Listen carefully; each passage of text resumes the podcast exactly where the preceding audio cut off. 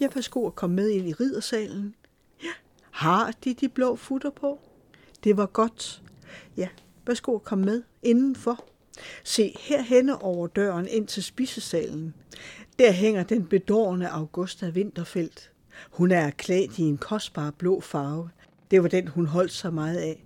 Og derfra på væggen, der kan hun til alle tider kigge hen mod sin elskede mand, Kristens sjæl. Han var den første ejer af Gammel Estrup, der blev greve. Og hun kan nyde synet af den overdådige riddersal, som hun gang på gang fyldte med gæster til fornemme middage, koncerter og ikke mindst til maskerade og dans. Åh, det var en fryd. Se her, de mageløse vægtæpper, der viser kristens enorme besiddelser. Men de er ikke hendes værk. Den bestilte hendes salige svigerfar kort før sin død. Men se lofterne. Her forenede Augusta to af tidens mest populære retninger inden for udsmykning af fornemme gemakker, stuklofter og det antikke. Det nye herskab er her portrætteret i det antikke billede. Kristne er iført spyd, keras, uniform som en romersk herfører. Måske er han ligefrem portrætteret som den romerske krigsgud Mars. Og overfor, der er Augusta iført en løs kjole og hjelm, hvilket leder tankerne hen på visdommens gudinde Minerva.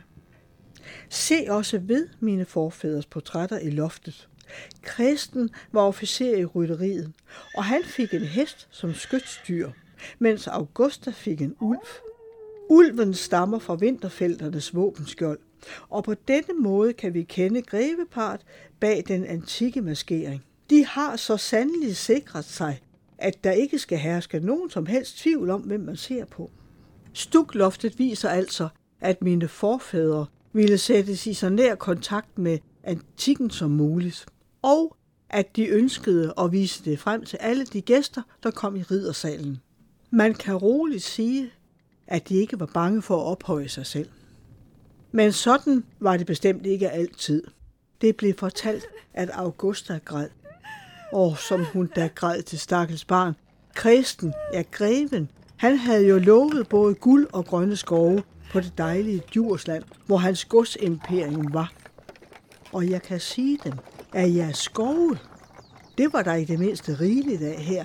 Men herregården, åh herre jemine, ak ak, her var ingen fornem indkørsel af en snorlige allé. Nej, nej. Nej, indkørslen gik igennem studiestallen ind til gårdspladsen, hvor der var stakkevis af møg. Og tænk en gang, der trættedes både grise og høns om herredømmet, mens folk og fæ færdedes på må og få. Ja, der var jeg var et løbende ud og ind og op og ned alle vejene, og så var der stanken og hovedhuset. Ja, det var jo sådan nærmest en gammel fæstning, uden de rette proportioner. Her var intet fint haveanlæg, der førte op til en stor hovedtrappe, hvor der var en pompøs hall til at modtage gæsterne i. Og indvendigt, jeg ved ikke, hvad kan de tænke dem, at alt var forfaldet. Og den ene fløj, ja, den var jo blevet forladt lige midt i en renovering. Men det værste, det var dog synet af Vestfløjens gemakker. Dødens gemakker. For der hang endnu de sorte sørgeklæder, og der sås endnu de sortmalede lofter fra tiden med den store sorg. I over et år der stod kisten med kristens far i disse gemakker, indtil han kunne sættes på plads i den nye tilbygning i Avning Kirke. Kristen blev født seks måneder efter farens alt for tidlige død. Det var hans meget unge mor, der rejste tilbage til sine forældre i Slesvig. Ja, og det var jo der, han kom til verden. Og hun vendte ikke tilbage. Og så var det jo, at der var intet, der blev rørt her på Gammel Estrup i næsten et kvart århundrede. Da Augusta kørte ind på gårdspladsen, fuld af forventning til sit kommende liv, som en af landets rigeste adelskvinder, ja, der begyndte hun som sagt at græde. Og efter at hun havde grædt i mange uger, der kom Kristens mor en dag på visit.